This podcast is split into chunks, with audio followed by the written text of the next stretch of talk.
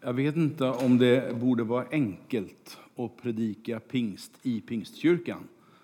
Men eh, jag kan också känna att det kan vara lite svårt att predika pingst i pingstkyrkan. För vi vet ju hur det ska vara. Vi kan ju det här. Du har hört det många gånger förut.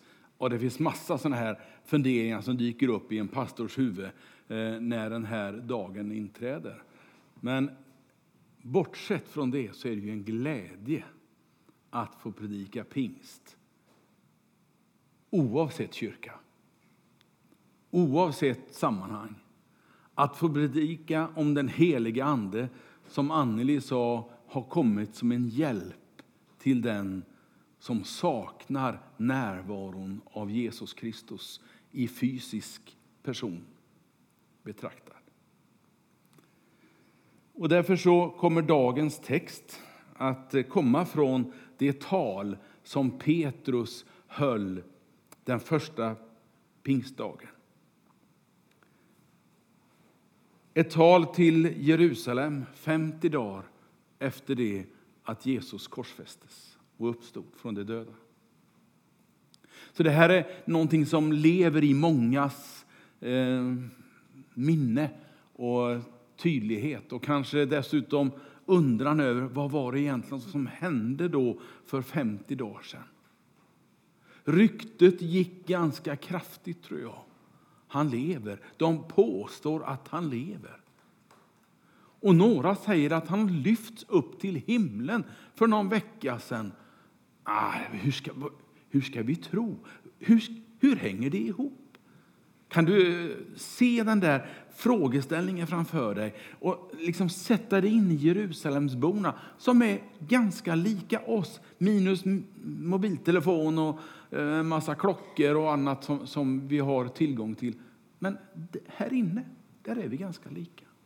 Det är klart man frågade.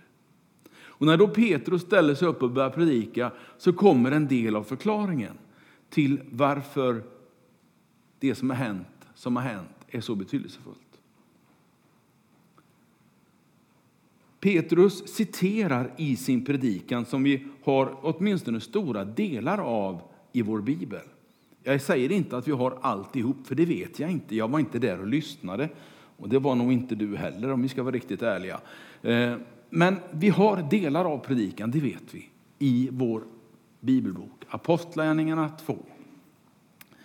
Och eh, här citerar han då ifrån en annan bibelbok som jag har i det gamla testamentet. Och det är en av de här som vi brukar kalla för tolvprofeterna.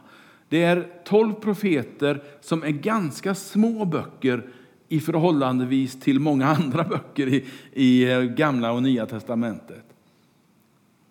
Och en av de tolv profeterna som det finns i slutet av gamla testamentet samlat det här. Han heter Joel.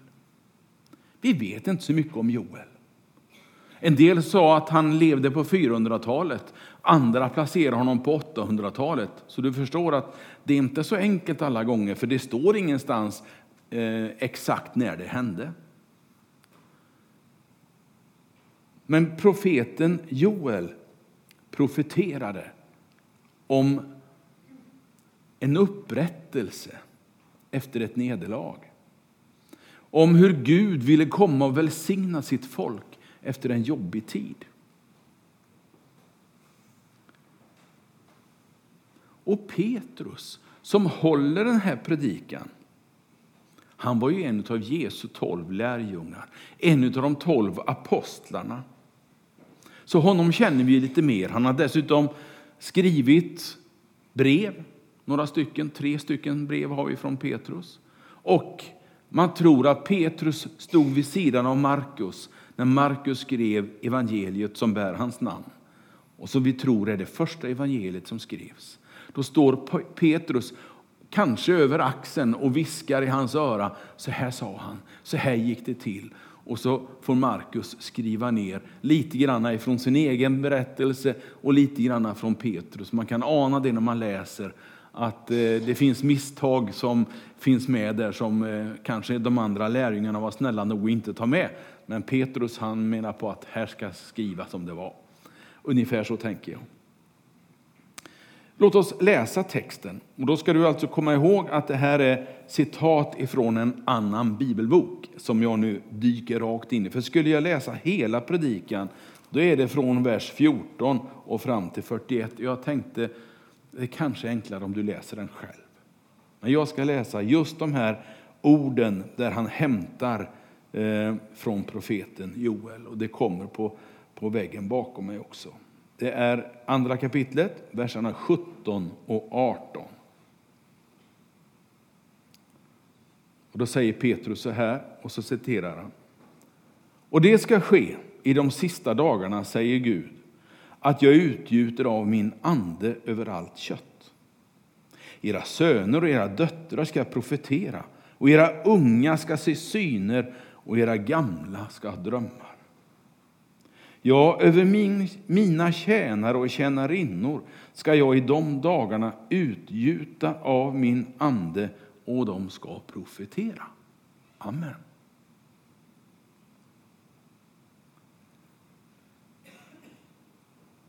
När jag läste det här i veckan, jag har läst det några gånger, så tänkte jag, vad menar Joel med de sista dagarna? För det, det står ju redan där, och Petrus citerar det nu.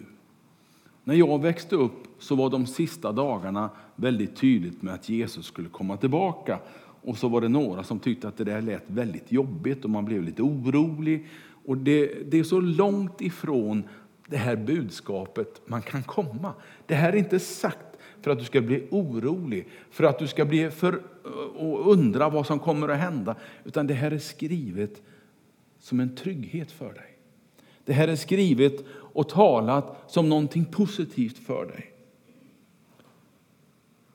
Och därför kan i de kommande dagarna betyda så mycket mer än bara den yttersta tiden, som också finns i det här uttrycket. Naturligtvis gör det det.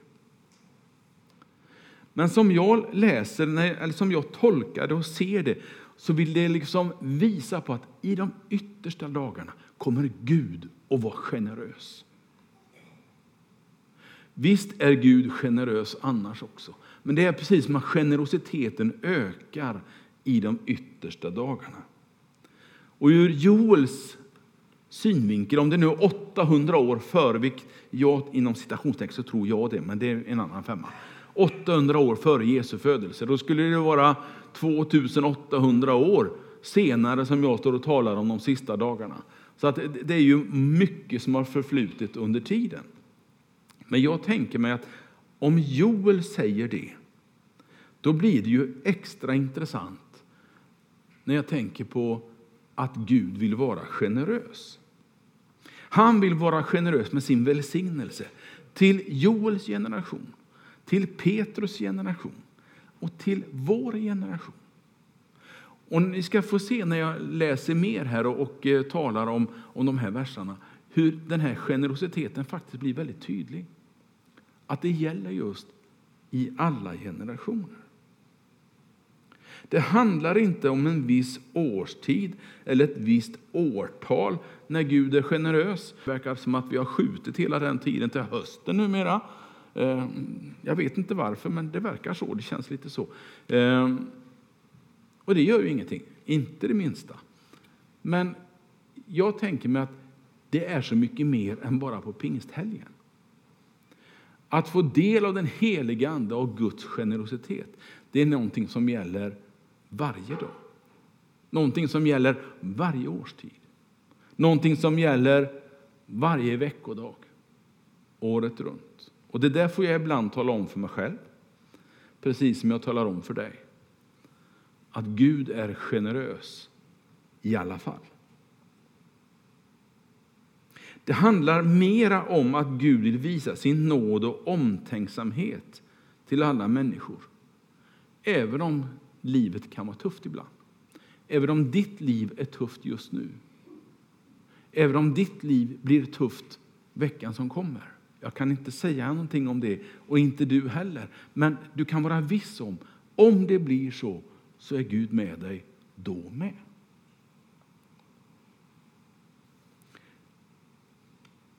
Petrus predikar att Gud vill utgjuta av sin ande. Utgjuta. Vad är det? Vad är, alltså, jag tänker med gjutform och flytande järn. Nej, det handlar ju inte om det. Utan snarare till att hälla. Snarare en spann vatten i en varm sommardag. Det är att utgjuta liksom någonting. Va? Och Det är det här det handlar om. När Gud ger någonting så är det inte bara några droppar, det är inte bara en liten duschslang som Gud har. Utan han har en hink, en spann, en hel tunna med vatten som han bara vill liksom hälla över oss. Han är generös. Han snålar inte.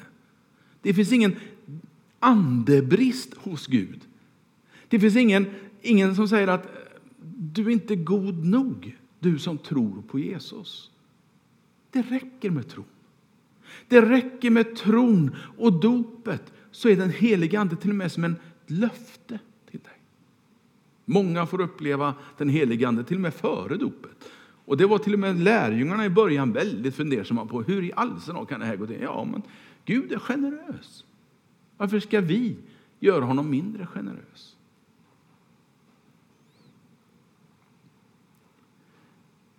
Det här som sker den första pingstdagen när så många får del av den heliga Ande, det är någonting nytt i den bibliska historien. Det är någonting nytt för de människorna som levde då. För de var vana vid att läsa det vi kallar för Gamla testamentet, de heliga skrifter för judendomen på den tiden. Där stod det om Guds ande över enskilda personer. Vet ni, jag har, ju, ja, jag har inte glömt att läsa den, men jag ska läsa ett bibelställe till om just det här. Jag ska läsa om när anden faller över David. Första Samuelsboken 16. Första Samuelsboken 16. Inom parentes vill jag bara säga, glöm inte bort Gamla testamentet, mina vänner. Läs i Gamla testamentet. Läs om berättelserna. Läs om det som betyder så mycket för den första församlingen. Hur det också kan betyda mycket och förklara mycket för dig och mig som lever i vår generation. Hur gamla och nya testamentet hänger ihop. Så läs mycket även där. Det finns sådana fantastiska berättelser. Det är inte bara hos Ingrid och Birgitta i eh, barnriket som eh, de berättelserna ska höras jag tycker att de är väl värda att påminnas om och läsas om. Och därför så har jag landat några gånger här nu en del i Gamla testamentet. Första Samuelsboken 16 är det.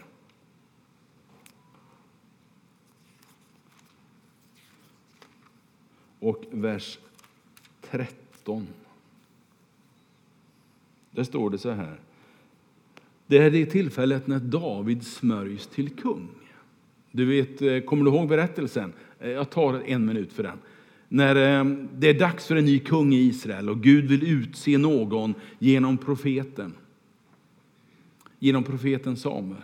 Samuel beger sig till en speciell plats, till en speciell familj. Och den här familjen har många barn.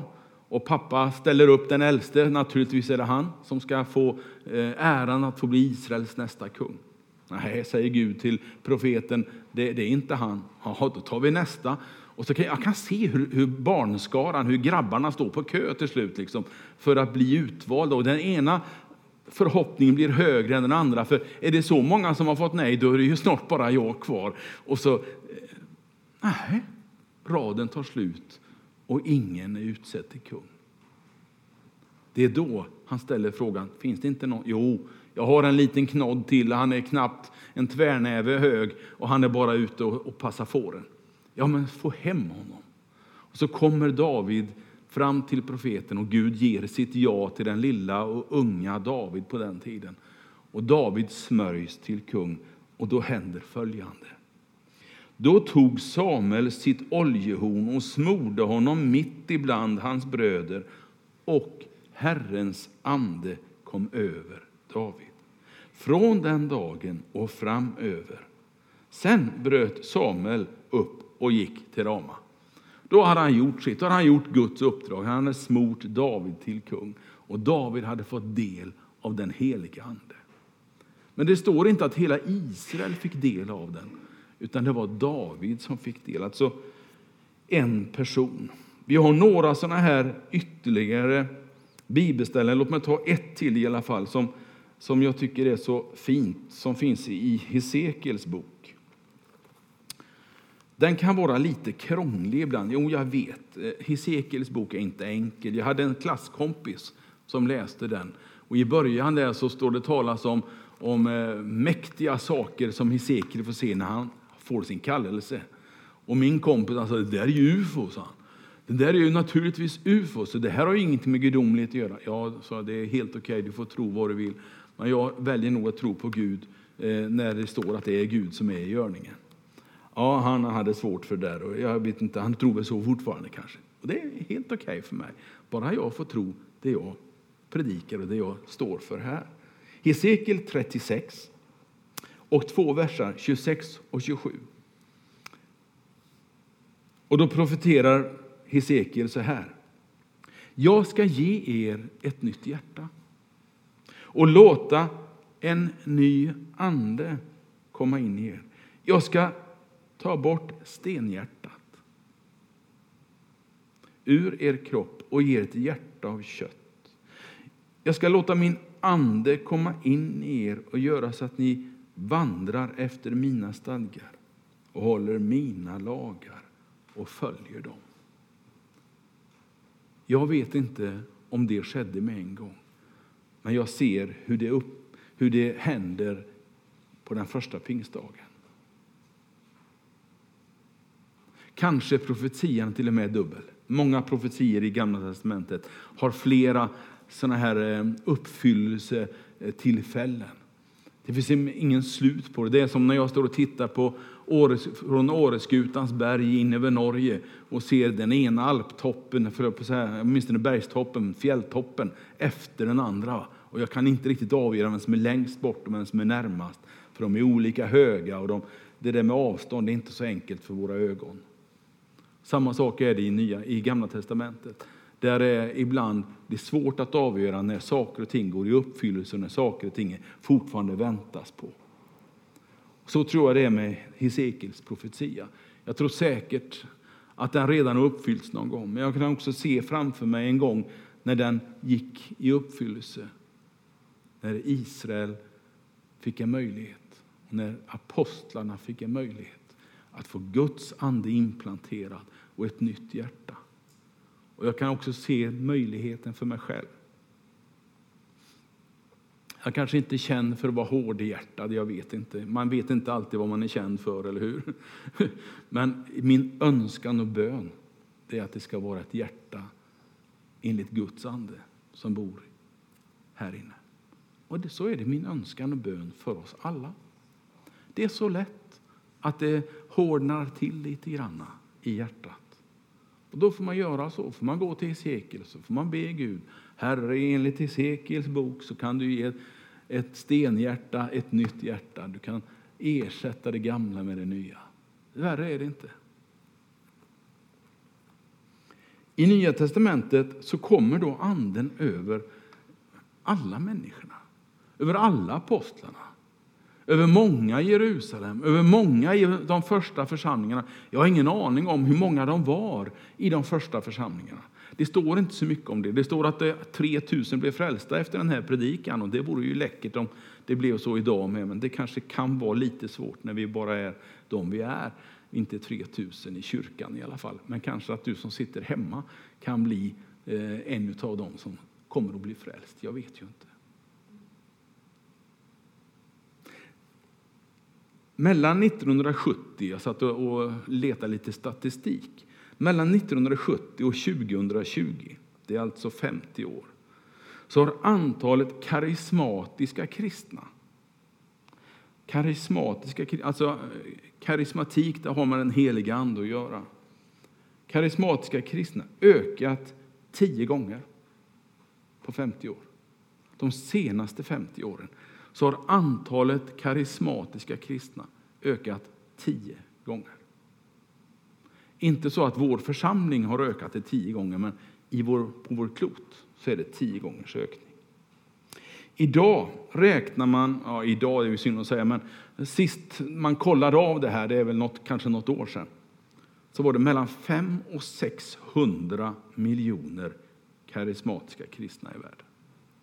För karismatik det är mycket mer än bara pingst. Det finns i katolska kyrkan, det finns i baptistkyrkan, ekumen, ja, alla kyrkorna du kan räkna upp så finns det karismatik.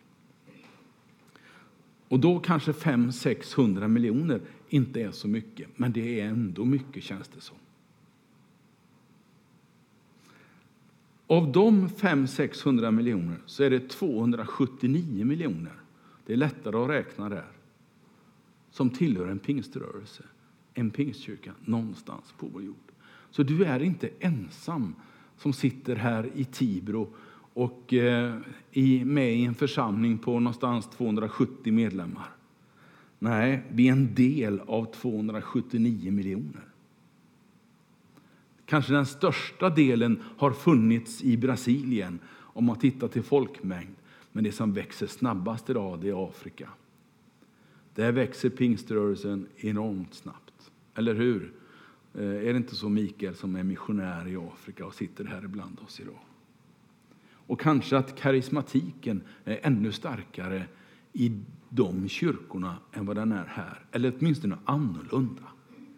Jag säger inte att vår karismatik är svag, men den är annorlunda.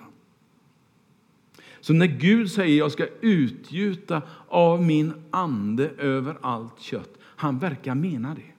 Han verkar tala allvar även in i vår tid. Vad är då allt kött? Kan man exemplifiera det på något sätt? Ja, jag tror det. Och Det verkar som att redan då Joel gjorde detta på sin tid. När han skrev Jag ska utgjuta min ande över allt kött. Och så kommer det era söner och era döttrar. Tack och lov. Det handlar om kyrkans framtid. Det handlar inte bara om det som är nu, utan mina Jag har ju två söner och två döttrar, som är, alla fyra är med i det här. Eh, även om inte alla just nu tror på det, men det är en annan femma. Det kan ändra på sig. Så tänker jag. Alla kan få del av Guds ande. Mina söner, mina, min framtid, kyrkans framtid är säkrad för Gud har gett ett löfte. Och Gud sitter inte på sin tron och räknar in alla och tänker okej, okay, nu är det bara 270 då i pingst i Tibro. Det är ju förskrämligt. Det borde ju vara 500. Det skulle kunna vara 500 faktiskt.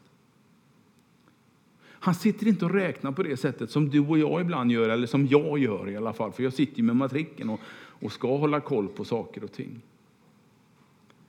Men han, han kan göra stora under med en son eller dotter. Det räcker med en, tror jag. Som börjar och vågar och ger sig hän åt den heliga Andes verk.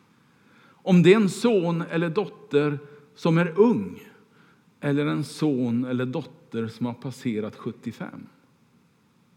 Vi är ju alla söner och döttrar, eller hur? För några veckor sedan firade vi mors dag och då sa jag att alla har en mamma. Även om inte alla är. Det handlar om kyrkans framtid och dess trygghet. Jag är säker på det. Våra kommande generationer behöver få höra om möjligheterna i den heliga Ande. Vi som har varit med länge, vi behöver berätta de här berättelserna. När jag tog emot den helige Ande. Vad hände då? Fick du ett nytt språk, Anneli? Du sa det här i början. Ett nytt bönespråk. Vad innebär det? Vi behöver berätta detta. Vi behöver bli tydliga om det och skapa liksom en lust att söka och vilja bli en del av det nya sättet att be. Ja, det är ju inte nytt, det är ju 2000 år gammalt. Så det är ju bara det att det kan kännas nytt ibland.